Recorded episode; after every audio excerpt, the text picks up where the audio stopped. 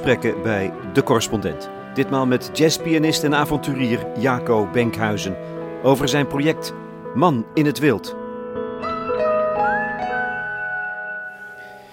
Muziek is, uh, het bijzondere van muziek is dat het vrijwel, naar mijn gevoel althans, vrijwel iedere menselijke ervaring kan, uh, kan uitdrukken. Echt op allerlei manieren. Dus het, ervaren van kracht, van verlies, van geilheid, van, van uh, sociaal gevoel van onrechtvaardigheid.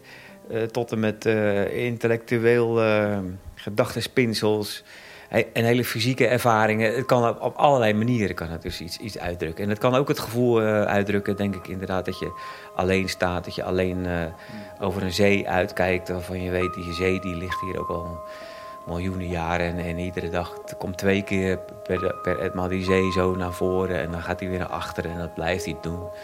En, en uh, ook die ervaring ja, kun je dus in muziek omzetten.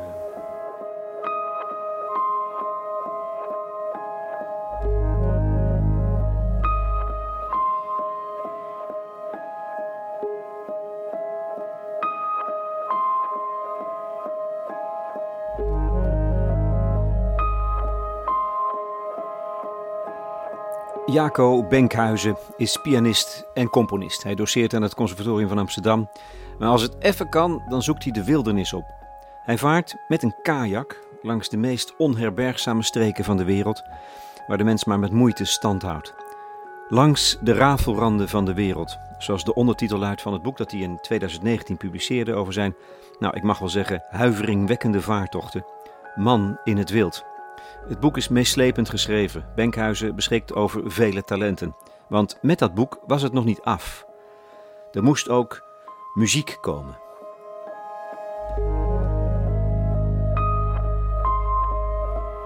Op het grasveld naast het pension zet ik mijn tent op. Terug bij af. De boot leg ik naast de tent. Net een overreden dier waarvan de botten uit de huid steken. Maar ik mag blij zijn dat ik er zelf niet zo bij lig. Ik kruip in mijn slaapzak en denk aan de paar seconden dat ik alle controle kwijt was. Drie keer achter elkaar werd mijn kajak half op de rots gesmeten. De laatste golf sleurde de boot mee terug en kieperde hem om. Onder water voelde ik hoe de stroming keerde en weer naar de stenen golfde. Ik klemde mijn armen om mijn hoofd en wachtte op de klap. De klap viel mee. Ik trok het spatzeil los, hapte naar adem en klom uit het water. Vanaf de rots keek ik toe hoe de zee mijn kajak dubbelvouwde, uitwrong en tenslotte als een kapot gekoud stuk vlees op het land spuwde. Mijn lijf trilde en ik dacht: de dood is even langs komen scheren als een zeevogel in de wind. Op de golven dobberden mijn tassen met kleren en eten.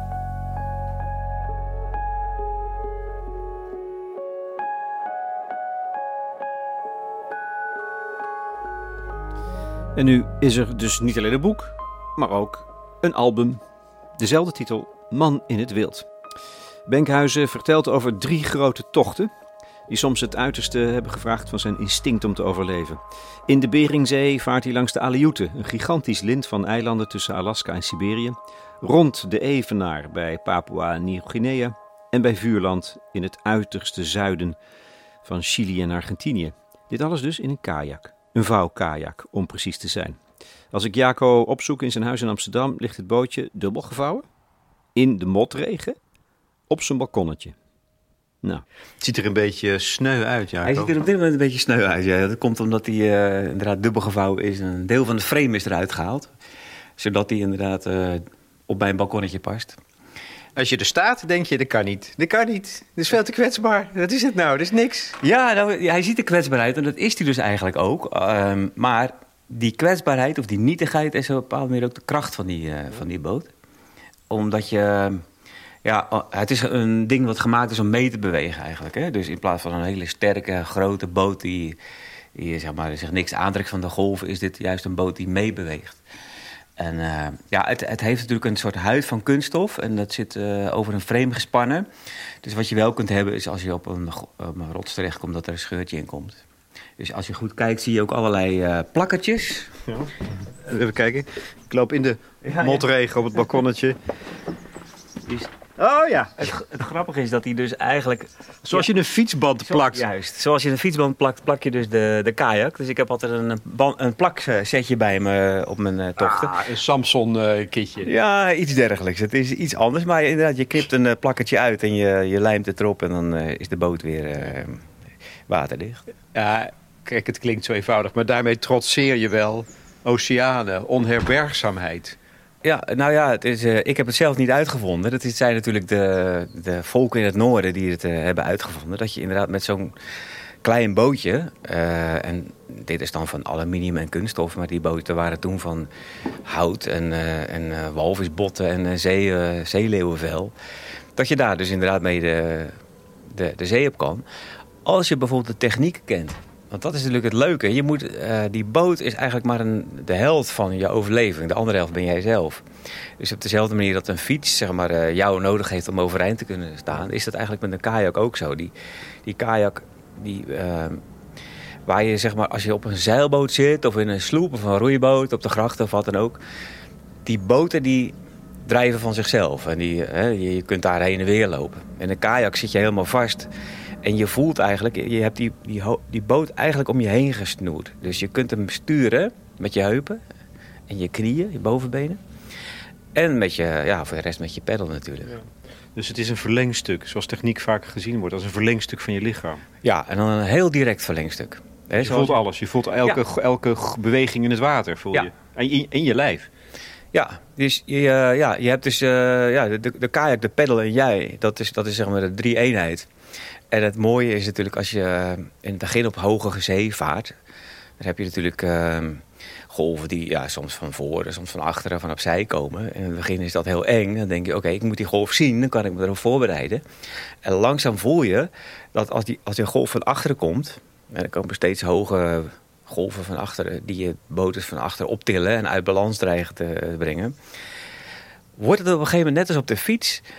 dat je dan niet meer denkt, oh, dit gaat mis. Je kunt al gewoon loslaten en je, en je lijf heeft dat al gecorrigeerd... zeg maar, die, die klap die je van achter krijgt... voordat je, voordat je er zelf erg in hebt. Dus, dus in die zin wordt het een heel onbewust verlengstuk van jezelf. Ja, zoals je dat ook met een, eh, ik noem, het- denk een skateboard of een... eh, ja, surfplank zal je het ook waarschijnlijk hebben. Ja. Alleen zit er wel een onmetelijke diepte onder je. Maar als het gaat over die ervaringen, je schrijft ergens, er zit een kastanjeboom in mij. Dat vind Ja. ik een schitterende zin, omdat dat precies hierover gaat. Een andere verhouding van de mens met de omgeving, met de natuur, met, het, met, met de ruimte. Ja, ja, dat klopt wel inderdaad. Eh, dat is precies hetzelfde. Zo ervaar ik dat ook. En ehm, ik was als kind dus eh, woonde in een eh, woonde buiten de bebouwde kom. In een gebied met weilanden. En in een van die weilanden stond een enorm grote kastanjeboom. En ik klom daar heel vaak in. Omdat ik daar plezier in had. Of omdat ik daarmee eh, ja, de wereld een beetje kon overzien. En dat was gewoon schitterend om onder, onder dat groene bladerdak te zitten. En eh, ik klom die boom zo vaak in dat ik ook precies wist hoe. Ik zou hem blindelings in kunnen klimmen. Maar het leuke is dat ik het nu nog steeds voor me kan zien. Die boom bestaat al tientallen jaren niet meer. Maar nog steeds weet ik welke tak waar zit en welke beweging ik maakte. Dus je lichaam heeft een soort geheugen waarmee die zich eigenlijk... eh, ja, ik vind dat op een hele intieme manier verbindt met, met de buitenwereld. En dat is iets wat ik ehm, heel erg bijzonder vind. Ik heb natuurlijk als ik piano speel, en ik ben van oorsprong pianist, eigenlijk ook heb. En, en met de kajak ook. Dus bij ons is dat eigenlijk in onze samenleving, althans in ons werkende leven, niet meer aan de orde. Dat je een fysiek contact zoekt met je omgeving. Dat is allemaal met, met, met een toetsenbord of met woorden. Ehm, maar ik miste dat heel erg. Dus ik ben dat op gaan zoeken. En ik ben plekken gaan opzoeken waarbij dat eigenlijk eh, gewoon moet. Anders red je het niet. Maar daar vind je iets, iets nieuws. Wat heel erg verrijkend is, denk ik. Ik vind het zelf wel, ja. Het is eh, verrijkend, denk ik, omdat ik het gevoel heb dat we daar ook ooit voor gemaakt zijn. Ik heb op een of andere manier niet het gevoel dat ik iets nieuws doe, maar eigenlijk misschien eerder dat ik iets terughaal. Wat ooit eh, wij in onze cultuur een beetje eh, achter ons hebben gelaten of zijn vergeten. Ik weet het niet precies. Ehm, eh, maar ja, het is begonnen denk ik met het pianospelen. En, ehm, en daarna heeft het uitgebreid naar allerlei andere dingen. Maar dat je dus voelt dat je ja, dat je, je via je lichaam en via een heel intens, een soort intiem eh, contact met je buitenwereld, dus bepaalde dingen, ja, een heel andere soort uh, connectie met je omgeving krijgt. Een bepaalde connectie. Ja, verbondenheid dus. Ja, verbondenheid. Ja, die zich heel fysiek uit. En dat is heel vreugdevol, kan ik zeggen. Ik, maar goed, sporters zullen dat sowieso hebben. Het grappige is natuurlijk dat je gaat natuurlijk ook nadenken waarom je dan zo graag met zo'n kleine boot in allerlei uithoeken van de wereld gaat varen. Alleen en zo. Waarom je dat dan zo prettig vindt. En ik dacht, ja, een van de redenen is misschien dat op die manier uh, het fysieke echt urgent is geworden. Dus niet even iets wat je doet als een leuk uitstapje of tijdens een, een sportief gebeuren. Um, zoals je natuurlijk in Nederland het fysiek eigenlijk alleen maar uitoefent als hobby. Mountainbiken, oh, dat doe je, oké, ik ga nu... Uh, voor de kick, even, een uurtje. Ja, de vrije tijd. Het fysiek is verbannen naar onze vrije tijd. En ik, ik vond dat eigenlijk uh, een beetje een onderschatting van het fysiek. Ik, vond, ik, ik wilde het eigenlijk een belangrijkere plaats ingeven. Ja, het is misschien heel onbewust gegaan hoor, maar ik dacht... Nou, oké, ik wil situaties meemaken waar, waar, ik, waar het fysieke mijn overleving bepaalt. En dat wil niet zeggen dat je ieder moment dood kan gaan, maar wel dat je gewoon voelt, ik moet mij scherpen, ik moet uh, de omgeving snappen en, en kunnen aanvoelen en mee kunnen meebewegen. Dat is belangrijk. Ja, dat is het, is, het is ook, je, je boort daarmee een, een, schat aan kennis aan. En, aan nee, kennis aan ervaring volgens mij. Menselijke ervaring. Van hoe, hoe, hoe te leven. Dat zou je kunnen zeggen, ja. ja omdat je natuurlijk ja, een bepaalde manier van verbondenheid uh, krijgt. Die ja, je natuurlijk ook wel geestelijk kan hebben. En misschien is het, uh, loopt het allemaal heel erg door elkaar. Maar ik ervaar in ieder geval dat wij mensen ja, misschien meer lichaam zijn dan, dan we vaak denken. Ja. En, en, je zegt het nu al twee keer, Jaco. Gebruik je het woord meebewegen. Het komt ook in je boek voor, hè, Man in het Wild. Dat wil je op, op deze, met deze vouwkajak die hier gebroken op het balkonnetje mm -hmm. ligt, uh, de wereldzee overvaren. Wat je doet, wat je op, in uithoeken doet, die onherbergzaam zijn, die bijna geen mens verdraagt. Dan moet je kunnen meebewegen. Dat is misschien wel de belangrijkste levensles. Ik denk het wel. Dat is wel iets wat ik me aan het einde van een van die tochten heel duidelijk realiseerde. Dat was uh, bij de Aleuten. 2000 kilometer lange rij eilanden tussen Alaska en Siberië, waar ik uh, een aantal van die eilanden langs ben gevaren. Um, ja, het klopt. Je, je bent natuurlijk eigenlijk, je ziet het met een boot uh, misschien het sterkste, maar ik denk dat iedereen in zijn leven ervaart dat er krachten zijn die, uh, waar je gewoon geen enkele invloed op hebt. Ik bedoel, je zou het wel willen, maar je voelt gewoon, er is iets gaande in de wereld of in hoe het leven of hoe, hoe alles in elkaar zit, waar je gewoon geen invloed op hebt, of nauwelijks.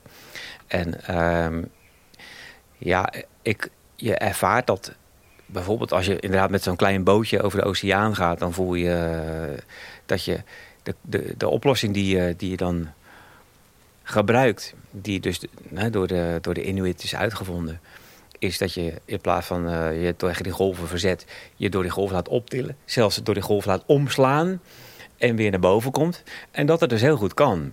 En dat je het In plaats van dat je met spierkracht, met alle kracht die je hebt als, als, als man of als mens, je er tegen te verzetten. Ja, ja dat verzet is natuurlijk iets. Ja, ja, dat is in die zin uh, inderdaad echt, uh, totaal kansloos. En toen ik op een gegeven moment daar op zo'n uh, arsvlakte stond, het is een vulkanische Aleute. dan was ik al een week of drie aan het rondvaren. En dan zie je een vulkaan die daar nou ja, wat is het, honderdduizenden jaren waarschijnlijk al zo uh, ligt. En die, die die is nog maar een, een paar jaar geleden uitgespuwd. En, en de Beringzee, ja goed, die is 10.000 jaar geleden volgelopen nadat, uh, nadat de luchtbrug, uh, de, de landbrug verdween. Dus je krijgt ineens het idee dat dimensies waarin je beweegt... wel even wat groter zijn dan wat je normaal gesproken hier in de stad ziet. En dat geeft natuurlijk ook het idee dat je in een soort van een stroom zit... die gewoon zo groot is dat je dat nauwelijks kunt zien in je normale leven. En dat ook daar allerlei dingen spelen. Hè. Je wordt gewoon voortgesleurd door de tijd. En, um, ja, door maatschappelijke krachten bijvoorbeeld? Ja, ja bijvoorbeeld maatschappelijke en biologische krachten. Hè. Het feit dat je op een gegeven moment oud, uh, ouder wordt en, en doodgaat... en het leven doorgeeft aan een volgende generatie, al die dingen. En dat dat helemaal gewoon oké okay is, want dat is de bedoeling. Dat is, uh, dat is wat, wat, wat het leven heeft, heeft bedacht. Zo, zo wat je in de kajak leert, kun je dus op een heleboel andere manieren in je leven toepassen. Dat is voor mij heel leerzaam geweest. Ik ben namelijk iemand die zich ook wel heel graag verzette tegen, tegen hoe de dingen helemaal liepen. Meebewegen. Ja, ja, en dat levert je vaak een mooie oplossing op. En soms de redding.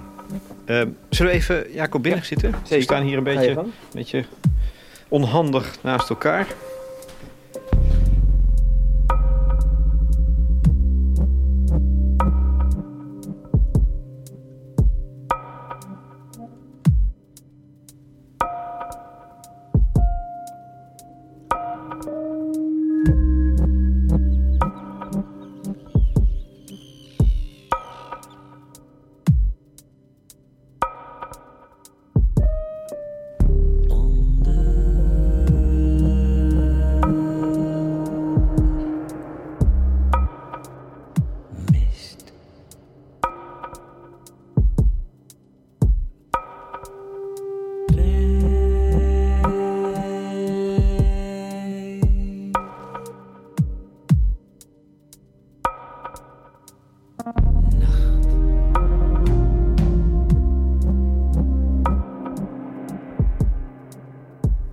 We zijn even gaan zitten. Tussen ons in het boek dat je hebt geschreven over je ervaringen. Drie tochten langs de rafelranden van de wereld. Nou, dat is een understatement. Man in het wild. Ik vind dit een magnifiek boek, weet je dat? Ik zie daar uh, een boek op tafel liggen. Dat heet, ik zie dus even naar het woord taal te kijken. Ik weet niet waar dat boek over gaat, maar... De oorsprong van de taal. Oh, de oorsprong van de taal. Ja, heel ja. interessant. Ja, ja dat is iets anders. Maar, maar jij hebt taal gevonden voor iets wat voorbij een grens ligt, hè, waar mensen nauwelijks komen. Voorbij de taal bijna. Dat vind ik fascinerend. Dank je. Uh, ja, ik ben eigenlijk gewoon gaan zoeken naar, woorden die zouden omschrijven wat ik, uh, wat ik daar voel. Um, en het is. Ik, het, het begon eigenlijk als een soort gedachte-experiment. Omdat ik me herinner dat ik op een van mijn eerste zeekajaktochten, dat was bij IJsland. Um, ik, ik, deed die tochten altijd alleen en helemaal voor mezelf. Dus ja, er wist nauwelijks iemand dat ik dat deed en ik vertelde er weinig over. Ik dacht, nou, wat is daar nou over te vertellen? Over dat je alleen uh, de toendra overloopt. Het is moeilijk, je wordt moe en je, je, dan red je het toch en je rust uit. En een dag daarna doe je weer hetzelfde. En toen dacht ik, oké, maar kan ik ook iets van deze baai die ik nu oversteek... waar uh, die golven een bepaalde, met een bepaalde vinnigheid en felheid tegen mijn kajak opbotsten... alsof ze hem omver wilden gooien en... en ik dacht, kan ik, dat nou, kan ik daar nou woorden voor vinden? Hoe dat voelt om hier op die baai te varen. En hoe die golven zich gedragen. En hoe ze dan op die manier tegen me spreken, als het ware. Ze, je krijgt het gevoel dat ze een bepaalde persoonlijkheid hebben haast... door hoe ze zich gedragen. Nou, toen ging ik daar naar woorden zoeken. En ik dacht, nee, maar dat kan. Je kan, uh, tenminste wat mij betreft... Um, geven die woorden wel weer wat ik hier zo voel. En toen dacht ik, oké, maar dan ga ik eens kijken of ik inderdaad die reizen in, woorden kan vatten. En zo is dat uiteindelijk, uh, ja, uh, zijn die uh, verhalen ontstaan. En, en, en toen bleek uiteindelijk dat het inderdaad helemaal niet ging over het is moeilijk, ik ben moe en ik red het toch. Maar dat er allerlei, ja, de, de, de schoonheid van de natuur en, en, en hoe je inderdaad de, de natuur leert kennen en, en de, de soms uh, de, de, de, fysieke problemen die je tegenkomt, die je dan moet oplossen met tape of een stukje touw of zo, of een, of een steen. Ja, je eigen psyche leren kennen? Ja, ja ook leren, uh, leren kennen hoe je dan uh, reageert en hoe je kunt omgaan met de dingen waar je voor gesteld wordt. En soms ook met de, bijvoorbeeld met de saaiheid, want een, een oversteek van zes uur maken zo op een mistige zee is eigenlijk het toppunt van saaiheid, zes uur peddelen. En, uh, je ziet niks. Ziet niks, niks. Nee, helemaal niks. Jazeker, het is allemaal. Uh, ja. Um, ik heb die tochten niet gemaakt om, om, uh, het, om het op ieder moment aangenaam te hebben. Dat was eigenlijk nooit het doel. Dus je, je probeert eigenlijk um, ook in die zin probeer natuurlijk, uh, oké, ik, ik zet mezelf in een situatie. Maar dan neem ik ook gewoon alles wat er met die situatie te maken heeft. Dus als het uh, op een gegeven moment heel, zwaar wordt, of het is heel koud, of ik ben heel moe, of het regent een paar dagen heel hard, dat neem ik er gewoon allemaal bij. En ik ga niet zeggen, hey, ja, maar dit was niet de bedoeling, ik uh, hou ermee op. Want dit, dit is gewoon hoe het is. Dus, dus in die zin hoort ook soms de, de saaiheid erbij. En dan vind je dan wat op. In mijn geval bijvoorbeeld is dat dan dat ik, ehm, omdat ik natuurlijk muzikant ben, heb ik wel veel herinneringen aan muziek. En dat ik dan die muziekstukken in mijn hoofd afspeel. Zo, om, om dan die, die tijd een beetje aangenaam, toch, toch een beetje aangenaam te, door te brengen.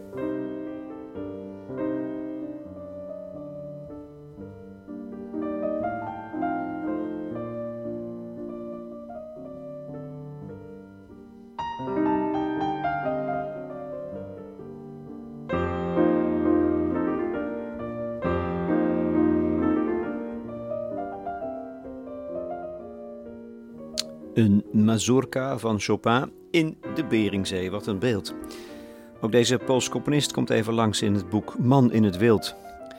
Dat is heel goed te lezen is als een vorm van levenskunst.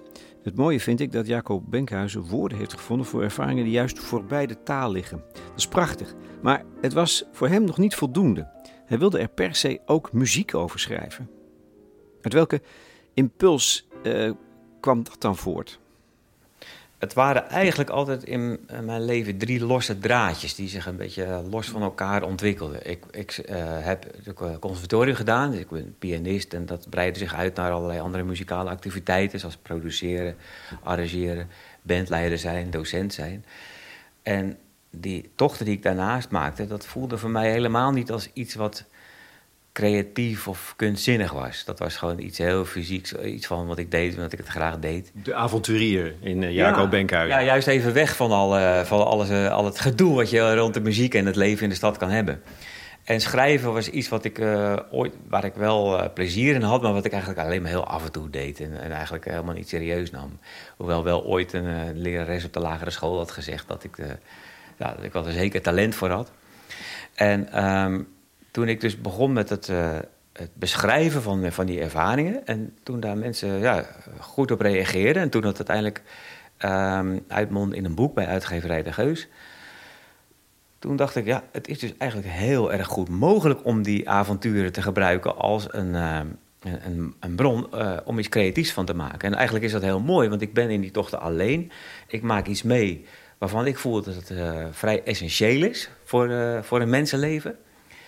Um, maar als ik het in, uh, in een boek vertaal, dan kan ik daar een heleboel andere mensen ook uh, uh, plezier mee doen. Um, nou, en toen, toen het boek af was, was het eigenlijk in die zin een interessante stap om te kijken: kan ik er ook mijn muziek ten dienste stellen van die reizen? En dat was wel anders, want een boek kan, nou, kan gewoon min of meer concrete verhalen vertellen en oké, ook wat je erbij voelt. Maar muziek zelf speelt zich op een veel ja, abstracter niveau af. Hè. muziek kan gewoon heel erg ja, een, een, eh, een, gevoel oproepen wat je verder niet uh, kan benoemen of, of, kan beschrijven. Maar wat treft is dat het een, een, toch een ander verhaal vertelt, vind ik. Sereniteit, denk ik, in de eerste plaats. Ja, ik denk dat je het meeste gaat over de, de, de ja, ik moet zeggen, wat ik me voorstel, soms in de nacht varen, als alles stilvalt. En dan zit, daar zit je dan, met de pedal, met de pedal een ritme. Ja, ja. ja klopt. Ehm, ja, ik heb geprobeerd de verschillende ja, soorten ervaringen, soorten gevoelens die je krijgt... en de meest krachtige gevoelens uh, daarvan uh, in muziek te vertalen. Welke gevoelens zijn dat? Uh, nou, ja, een van de dingen is bijvoorbeeld ja, zoals ik net vertelde, als je op de asvlakte staat. Of um, je, je, ja, je vaart ergens, je vaart langs een rots, een groot rotsblok. En je vraagt je af, oké, hoe lang zou dit rotsblok hier al uh, liggen? Nou, misschien uh, ja, duizend jaar, maar misschien honderdduizend. Misschien, misschien lag het er al voor dat er überhaupt mensen waren. En dan, oké, ik vaar er langs in één minuut. En dan ben ik weer weg en dan ligt dat, dit rotsblok daar gelukkig nog een miljoen jaar of zo. Dus dat hele besef van, uh, van dat die dimensies waarin we ons begeven zo ongelooflijk groot zijn, dat, dat geeft je een soort ontzag. Dus dat is een van de, van de ervaringen die je dan probeert, hè, ja, ik noem dat dan ontzag, probeert uh, in, in muziek te vatten. En tijd noem je nu ook. Ik denk, ja, dat is het natuurlijk. Een andere tijdservaring. Ja, klopt, klopt. Uh, dat was een van de lastige dingen waar ik naar moest zoeken. Uh, ik heb veel met Alex Roeka gewerkt, als je misschien weet. En Alex is een meester in het uh, schrijven van songs van een paar minuten, waarbij de tekst centraal staat.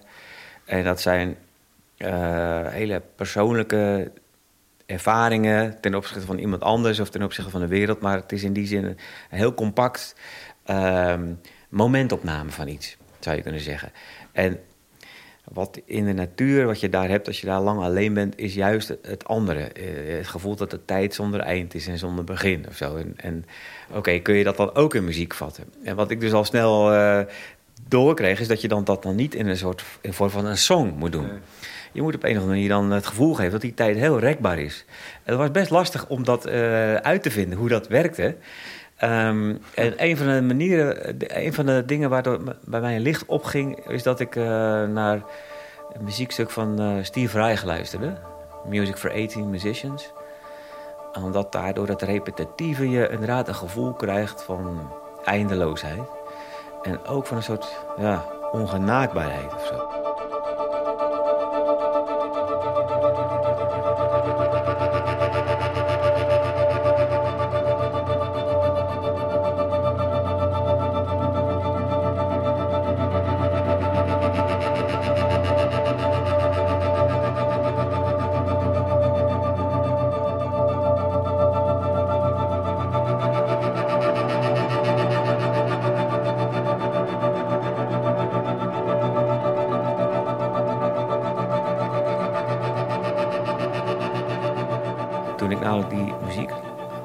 Al eens vaker gehoord, maar tijdens die het zoektocht naar uh, wat is nou de goede muziek, luisterde ik uh, de goede muziek voor, dit, uh, ja, voor deze, deze kajak-ervaringen weer te geven. Toen luisterde ik naar die Music for 18 Musicians en toen kreeg ik daar meteen de beelden bij van de rots, rotseilanden die ik bij, de, bij Kaap Hoorn had gezien. Het, is, het was precies dat die ongenaakbaarheid en, de, en, de, en, en ook de rust die erin zat en het, het, aan, ja, het onpersoonlijke van die repetitieve muziek. Ik denk van ja, dat kan dus heel goed. Je kan dus heel goed dat soort ja, uh, ja, haast onmenselijk grote die, dimensies weergeven in muziek. En toen ging mij dus een licht op hoe ik het zou kunnen aanpakken. Ja, en, en dat wat je, wat je noemde over dat, de nachtvaart, dat is dan je, je vaart en er, is, er heerst een bepaalde rust. En je hebt... Um, toch hoor je allerlei geluiden die als het ware heel erg de, ja, de sfeer en de omgeving bepalen. Dus, en, en uh, oh, je hoort het water klotsen tegen een rotsblok of er vliegen wat vogels op en die verdwijnen in de nacht. Of, er zijn allerlei dingen, maar tegelijkertijd is er een enorme rust.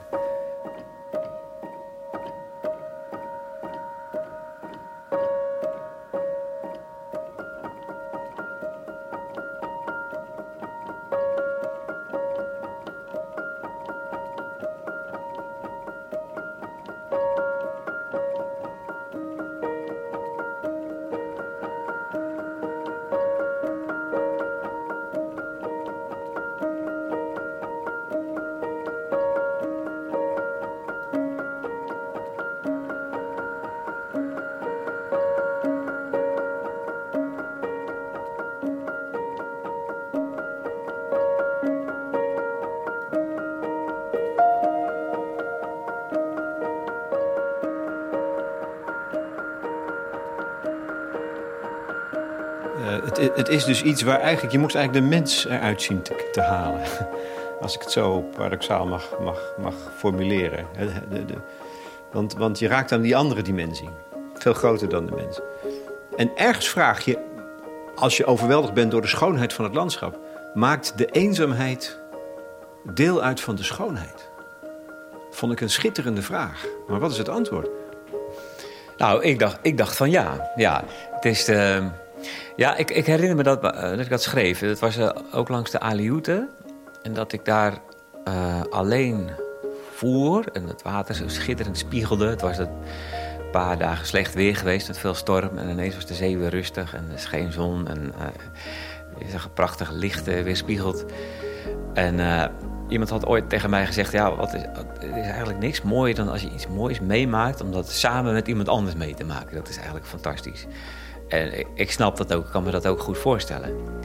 Maar ik vond het toen, dat ik daar, toen ik daar alleen was, vond ik dat ook zo'n magnifieke ervaring dat ik dacht, ja, maar heb, is dat eigenlijk wel altijd zo? Het is wel heel vreemd dat ik, ik ben nu helemaal alleen en ik, ik vind het net zo fantastisch.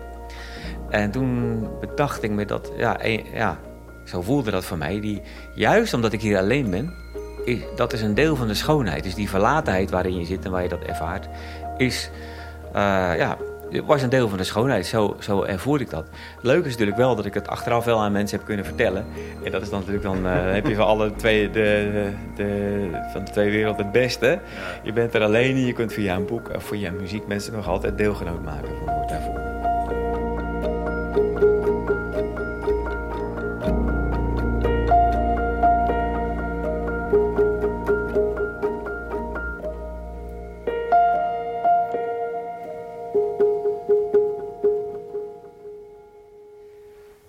Een voorbeeld van wat mooi is aan, aan je ervaringen is ook muziek trouwens. Je, je zit daar ergens, dat vond ik zo waanzinnig, op een van die eilanden. Nog, je, moet, je bent bezig met de voorbereiding op de Aleute. Mm en je zit ergens in een dorpje waar niks is, maar er staat boven in het café, of wat is het precies, in de herberg, een piano. En dan ga je spelen, dan ga je iets spelen. Namelijk Chopin. Ja. Denk ik, hè? Wat is? Daar gaat dit over. ja, uh, het, was, het was inderdaad in het, uh, op, het, op Kodiak Island. Um, ja, het, pas later realiseerde ik me hoe, uh, hoe, hoe, bijzonder dat was. Want um, je moet weten dat de, de Aleuten is een uh, eilandenreeks die nu voor een groot gedeelte bij Amerika hoorde, maar wat vroeger dus Russisch was. De Russen hebben daar heel lang gezeten. Pas in, ik dacht 1870 is, het, uh, is Alaska, inclusief de Aleuten, aan, aan Amerika verkocht. Dus daar, heerst, daar is eigenlijk dus, zijn wel sporen van de Russische cultuur. Dus op al die eilandjes, de kleine nederzettingen die daar zijn, daar staat een, uh, zo'n Russisch-orthodoxe kerk. En de mensen hangen allemaal het Russisch-orthodoxe geloof aan. Ook de oorspronkelijke bewoners, die Aleuten worden genoemd. Um, en uh, ja, je kunt Chopin ook zien als een Slavische componist eigenlijk. Hè? Dat was een Pool. En uh, toen ik daar dus kwam, en ik was natuurlijk via Amerika met het vliegtuig inderdaad naar Alaska gegaan. Um, en ik ontmoette daar dus de cultuur, eh, de resten van de cultuur, die aan de, van de andere kant van de wereld via Rusland daar waren gekomen. Dus op dat eiland kwam dus via uh, het oosten. Uh, die, de, de, de, de, mensen, dat was een soort van Russisch-orthodoxe gemeenschap daar, kwam daar. En ik kwam via het westen, nam Chopin mee in mijn vingers. En die kwamen daar elkaar tegen. Dat vond ik een fascinerend moment eigenlijk. Ja, van ontmoeting. En dat is, we hadden het net over muziek die, die, die je meevoert naar de plek waar het eigenlijk ophoudt, hè? de menselijke existentie, zou je, als ik het even zo mag formuleren. Maar de andere kant daarvan is, en dat is net zo waar, is dat het een communicatiemiddel is en dat het mensen bij elkaar brengt en culturen bij elkaar brengt. En dit is een magnifiek voorbeeld daarvan. Want, hoe reageerden ze op Chopin? Nou, ze vonden het allemaal heel mooi en uh, ze luisterden graag naar. Ze kenden het ook wel. Oh ja? Ja, ja, ja. Maar wat, wat de muziek als communicatiemiddel uh, uh, middel om contact te brengen, heb ik dat veel aan gehad. Om, uh, vooral toen ik naar Papua ging, omdat ik ja. op de eilanden Papua en Nieuw-Guinea veel, ja, vaak mensen tegenkwam. Dus dat was dan geen tocht waar ik continu alleen was. Um, en ik had altijd een klein mondharmonica in mijn broekzak omdat je dat daarmee natuurlijk heel makkelijk uh, ja, contact kan leggen. Dus ik ging dan, uh, ja, als ik dan ergens bij een eiland kwam, waren er altijd mensen of kinderen die dan uh, op je afkwamen rennen. En dan, ja, als je dan wat gaat spelen, dan heb je al heel snel contact. Dus in die zin was die muziek inderdaad ook een heel ja, goed, goed hulpmiddel om mensen met elkaar in contact te brengen. En ze antwoorden ook. ja. Zowel bovenin als daar in de, rond de Evenaar. Ja, ja ik, dat klopt. Uh, bijvoorbeeld uh, bij, uh, bij een van die plekken waar ik was, was, een, was een van de papen, was, die had een oude gitaar. Die speelde daar heel graag op. En daar hebben we veel samen inderdaad gespeeld. Allerlei liedjes. Echt, echt de vreemdste liedjes die daar op een of andere manier waren komen aanwaaien. Omdat ze daar natuurlijk ook gekoloniseerd zijn geweest. Dus ja, ze konden Stille Nacht spelen, maar, eh, maar ook een, uh, volksliedjes van de Solomon-eilanden die daar niet zo ver vandaan liggen. Dus.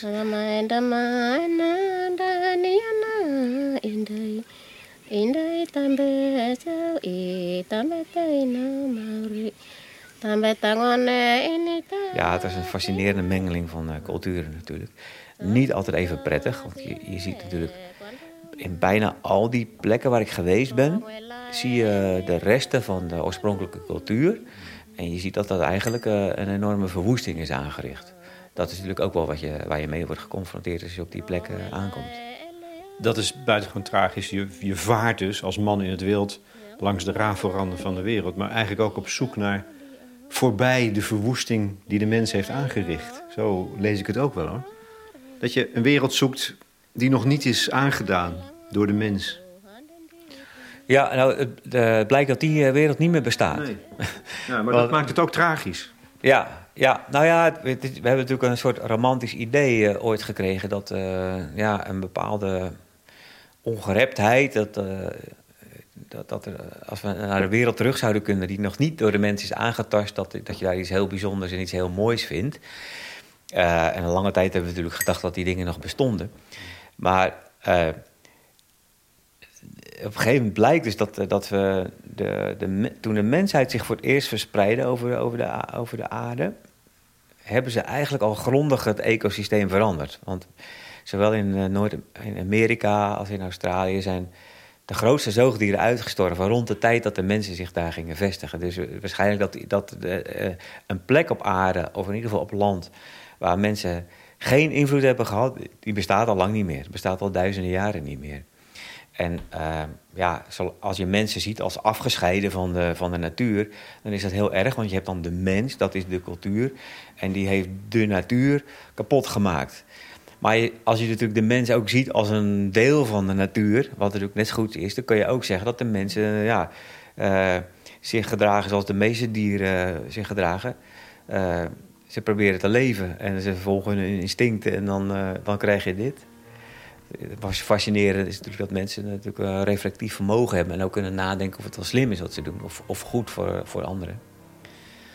Uh, maar goed, dus ongereptheid is iets, iets wat niet bestaat. En je kunt natuurlijk ook afvragen of, dat, of het iets nastrevenswaardig is. Eh, ja. Maar het moet, je, het moet je soms verdrietig hebben gestemd. Ja, de, de culturen, de, de verwoeste culturen die ik heb gezien, uh, ja, dat, uh, dat, heeft me, dat heeft me erg uh, veel indruk op me gemaakt. En, en inderdaad, je, je, je, je, voelt je daar heel triest onder. Vind, vind, vind, vind, je dat terug in je muziek die je maakt? Of heb je dat buiten geprobeerd te houden? Ja, de muziek die ik heb gemaakt, die gaat echt alleen maar over de ervaring in de, in de wildernis, in de eenzaamheid.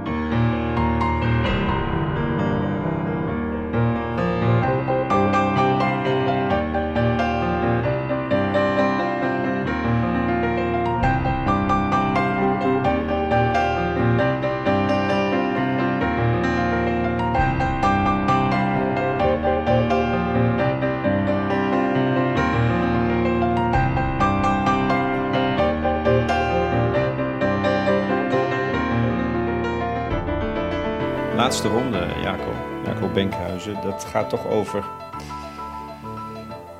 ja, de, de, de leven en dood. Als je, als je die omstandigheden zoekt in je eentje, dan breng je jezelf ook in levensgevaar soms. Uh, ja, dat klopt. Uh, uh, hoewel natuurlijk, mensen vragen mij wel eens, nou, was het niet af en toe heel gevaarlijk? En ik moet dan eerlijk zeggen, ik weet het niet. Want ik heb het overleefd. Dus ja, is het gevaarlijk geweest? Uh, hoe groot was het risico dat het fout liep? Dat weet je nooit zeker. Er zijn natuurlijk wel momenten waarvan je denkt... nou, oeh, dit liep net gelukkig goed af.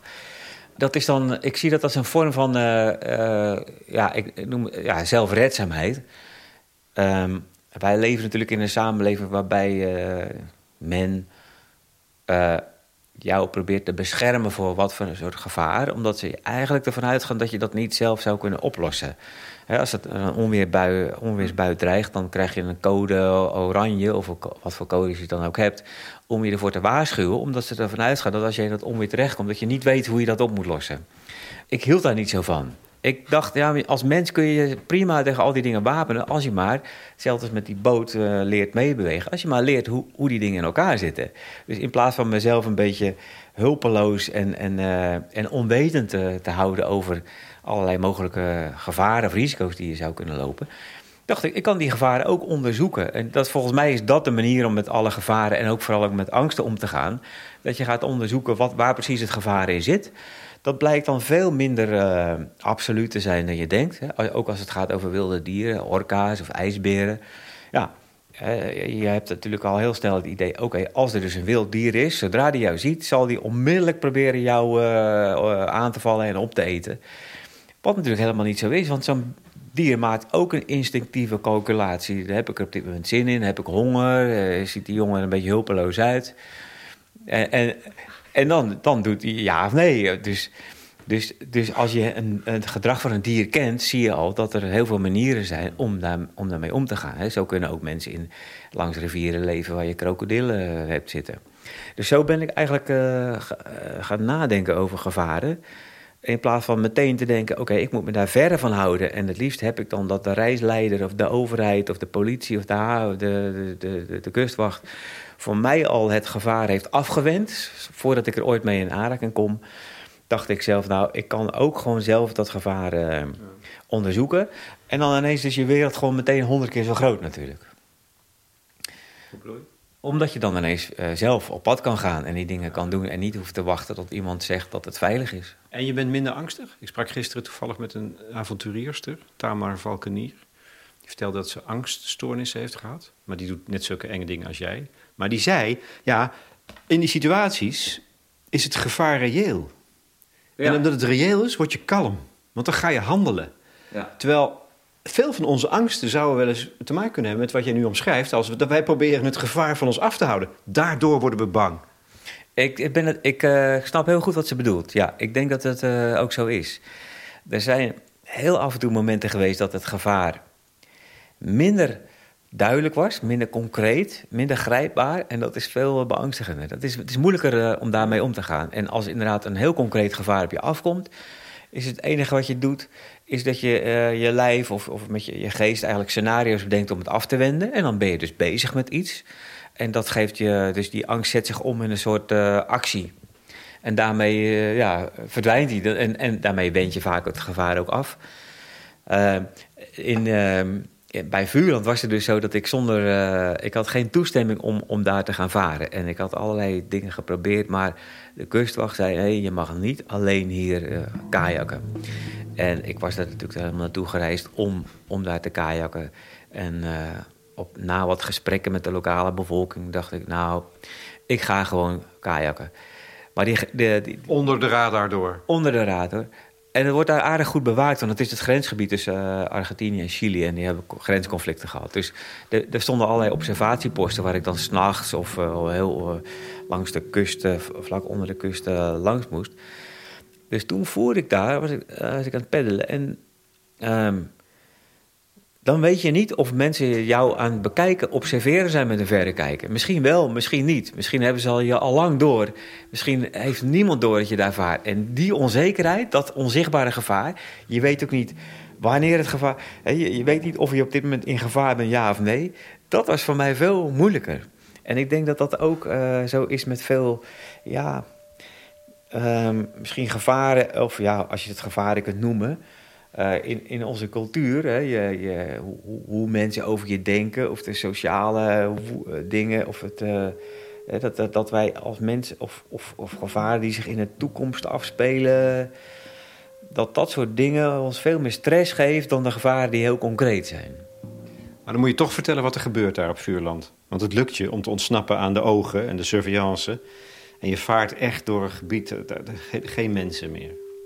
Het is misschien wel voorbij de hoop, zou je kunnen zeggen. Hè? Uh, letterlijk dan. Maar dan, dan, haal je je doel, je vaart terug en dan gaat het mis. Wat gebeurt daar? Ja, het was. Um, ik denk dat het te maken had met een bepaalde. Ja, ik, ik had mijn einddoel gehaald, dus ik was ontspannen. En misschien dat ik daardoor ook een klein beetje mijn waakzaamheid was verloren. Um, ik weet nog dat ik daar langs die. Uh, onder die rotswand doorvoer en. Ja, me heel, ik weet niet, een diepe voldoening voelde. Van, Gelukkig, denk ik. Ja, ja, zeker, ja. En um, ik moest voorbij een punt, Punta Guanaco. En dat is een punt waarbij de golven vanuit de Zuidzee, dus de Zuidelijke IJszee, vanuit Antarctica, waar het heel vaak stormt, zeg maar, op, op Zuid-Amerika botsen. Zeg maar, een van de uiterste punten. En uh, dus die golven zijn daar vrij hoog en die slaan dan om. En nou, ik wilde daar netjes omheen varen. Maar heel af en toe heb je dan dat een golf iets eerder uh, omhoog komt. En ik werd daar dus ja, ergens onder die, onder die rotswand omvergegooid door een ijskoude en een bijzonder hoge golf. En ik kon op dat moment niet overeind komen. Dus ik lag naast mijn kajak en, en, en ik werd om de havenklap ja, overspoeld door die, door die enorme golven. Ehm, en het, het was koud. En er was maar een heel klein plekje waar ik op land kon. En, maar die golven sloegen natuurlijk op dat, uh, op dat, op dat, uh, ja, dat kiezel, hele kleine steile kiezelstrandje. Dus ik moest wel mijn best doen om het vege lijf te redden. En, en, en, de kajak inderdaad ook te redden.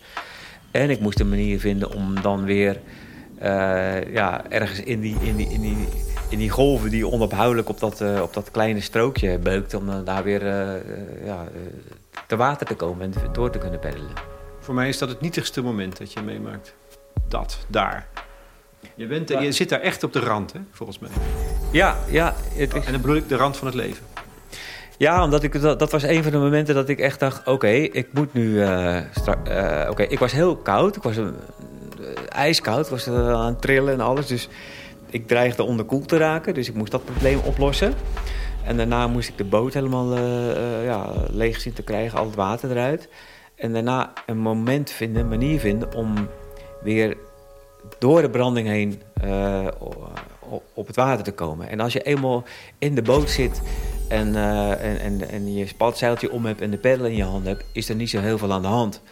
Maar om daar te komen moet je de boot in het water zien te krijgen en dan erin. En dan uh, is het een heel wankel moment. En ja, het was daar om de havenklap enorme golven die zeg maar, nou ja, uh, stenen omver spoelde. Het was, dus ja, ik moest toen uh, uh, iets bedenken om, om dat te doen. En inderdaad, het was heel intens, omdat je... je hebt, ja, zo voelde het, je hebt één kans. Dus je moet de, boot klaarleggen en dan moet je precies nou ja, als, als, uh, tussen twee golven door. En je, hebt dan, uh, je ziet een soort patroon in die golven, een bepaald ritme. En je ziet, oké, er komen nu een paar lage golven. En tussen die twee lage golven, precies getimed, die boot het water induwen. Erachteraan springen, in die boot en wegpeddelen. En dat dan zo snel mogelijk. En, en uh, ja, dat was dus een riskant moment. Er was ook verder niemand om, om me te helpen. Dus dan realiseer je wel, ja, dit moet goed gaan. En het het mooie is dat er dan ook uh, een, het bijbehorende instinct vrijkomt. Dat gewoon zeggen, ja, maar en dan ga ik zorgen dat het goed, goed komt ook. Dus de angst is eigenlijk, zet zich ook daarom in, uh, ja, in, in, in actie, actiebereidheid. En de bereidheid om te accepteren dat het misgaat. En dat is voor mij ook een van de grootste levenslessen geweest. Dat je dus, als je dus je, je leven leidt en, en je dus bepaalde doelen stelt, bepaalde dingen gaat doen, dat daar altijd een risico aan verbonden zit.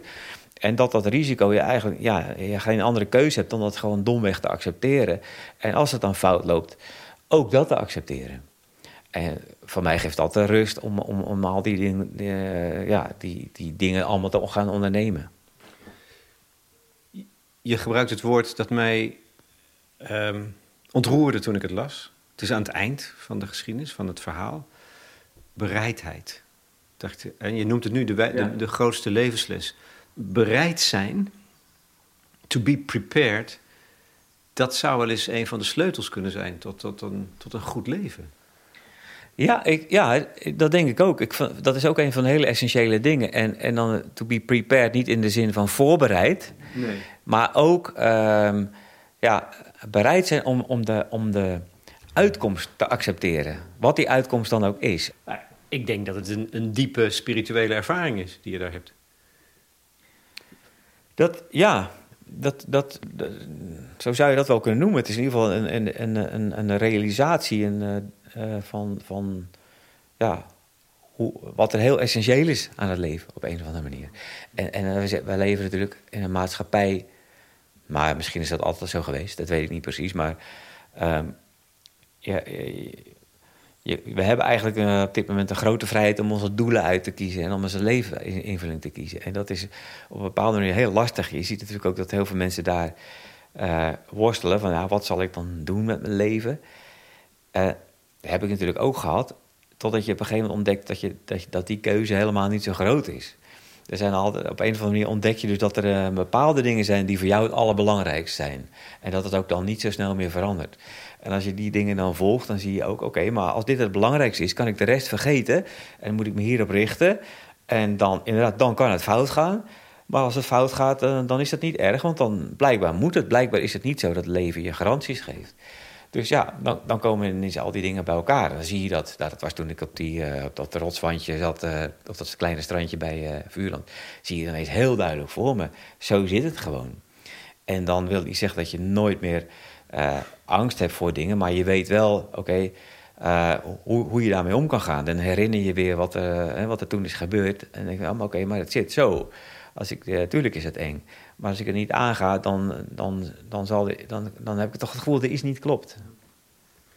Ik zag ooit een keer een voorstelling van Hamlet, van Shakespeare. Mm -hmm. Waarin we weten, de centrale vraag is to be or not to be.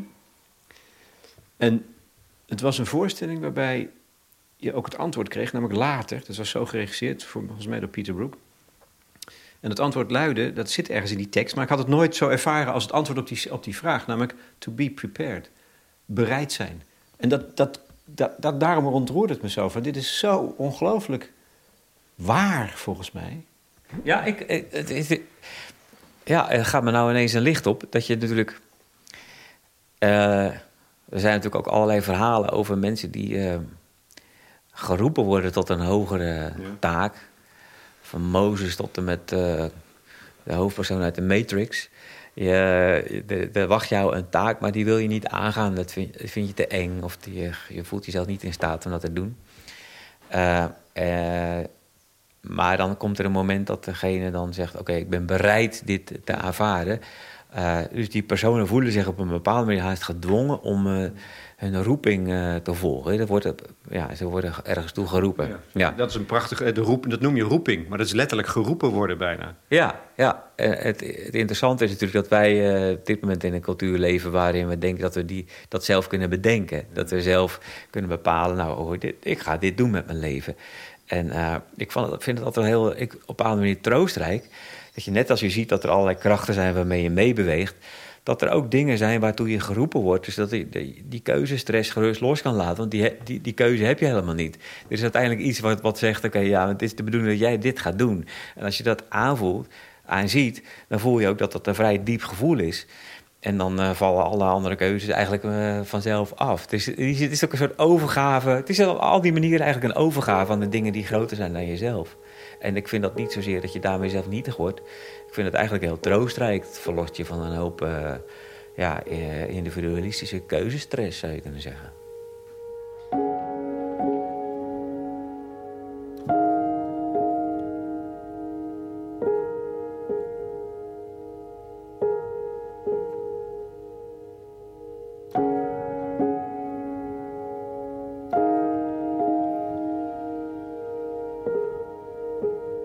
Ik vind het geniaal dat als je dus gaat varen door de Beringzee, dan neem je ook drie boeken mee. De Odyssee, een boek over de snaartheorie en de Statenbijbel. Ja, dat is een briljante keuze. Ja. Daar staat alles in dus. ja, zou je kunnen zeggen. Ik, ik, heb, ik kwam er op een gegeven moment achter dat uh, zo'n trio, dus een boek dat te maken heeft met, het, uh, ja, of met de religie... of in ieder geval met hoe mensen over uh, ja, de, spirituele zaken denken. En een, en, en, een boek wat heel probeert door te dringen op, tot een hele materialistische kijk op het leven. En dan iets, dus de, de, de, literatuur, de vertelkunst... dat er een heel mooi trio was om, om, om mee te nemen. Ik vind ze alle drie even interessant eigenlijk. En uh, misschien omdat ze allemaal een bepaalde uithoek van de menselijke geest, de, de, de kennis en, de, en de, de, ja, de spiritualiteit en, en de creativiteit. Dat, dat die wordt zeg maar uh, gezocht en, uh, en, en onderzocht. En, en, ja. Ja. Die verenig jij ook? In, in de dingen die je doet? Ik doe mijn best in ieder geval, ja. ja. Maar het is wel waar, ik, ik, ik vind al die dingen interessant. En, en in plaats van dat ik me probeer op één ding te specialiseren, heb ik gedacht: oké, ik moet proberen een soort van. Ik zie het uh, kunstenaarschap, als je het dan zo moet noemen, en als een soort. Uh, dat je een soort reflectie geeft of een soort terugkaatsing van hoe leven op, op jou is, is, is overgekomen. En dat probeer je dan in een vorm van een boek of een plaat of wat dan ook weer te geven. En dat geef je dan terug. En ja, er zitten je kennis en je ervaringen hopelijk allemaal in. Nou, er ligt een prachtig album op tafel. Dat je alleen op vinyl uitbrengt. Man in het wild. Het boek was er al. ook digitaal verkrijgbaar. Oh, maar wel, ja, maar, ja, zeker. maar eh, niet als cd. Ik vind eigenlijk een cd, een eh, vinyl, een plaat is... eh grammofoon, langspeelplaat eigenlijk een heel mooi object. Ja. En ik dacht, als ik het dan eh, iets fysieks uitbreng, maak ik er iets moois van, wat er mooi uitziet. En dat doe je dan door er ook nog eens foto's van eigen hand aan toe te voegen. Ja, ik, heb natuurlijk, eh, ik had natuurlijk een camera mee op die, op die tochten. En eh, ja, eh, de- Dan moet je het onmetelijke in beeld brengen. Ja. Ja. dat, ga er maar aan ja, staan. ja, ja, je moet, je- dus die, eh, het fascinerende van, eh, van, die, van die landschap is dat ze zo leeg zijn. Ja. Dus ja, je probeert eigenlijk niks te fotograferen. En eh, zie dan door de, lo- in de loop van de jaren heen dat die foto's dat steeds beter konden vangen. Want je moet natuurlijk wel leren fotograferen. Maar goed, dat, wel, als je drie weken aan het varen bent, krijg je er ook wel eh, ruim de tijd voor en gelegenheid voor. Ik vind het gelukt en ik vind het fascinerend. Dankjewel, jij ook. eh, bedankt, Lex.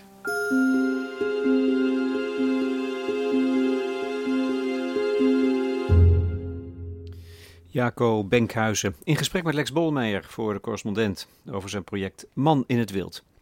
Het boek was er al, uitgebracht door de Geus. Er is nu ook een album. Ja, beschikbaar als langspeelplaat met gave foto's. En verder te beluisteren op de streamingdiensten. Wat vinden jullie van dit alles? Ik vraag me af of er andere manieren zijn, dichter bij huis bijvoorbeeld, om die directe ervaring van de omgeving, die, die lijfelijke verbondenheid te ervaren. En wellicht ook te trainen als levenskunst. Nou, jullie kunnen reageren op het platform van de correspondent. Dat is toegankelijk voor leden. En je bent al lid voor zeventientjes per jaar. Daar krijg je dan een jaar lang kwaliteitsjournalistiek voor, voorbij de waan van de dag. En tenslotte, ik gebruikte, dat mogen duidelijk zijn, uitsluitend muziek van het album Man in het Wild. Thank you.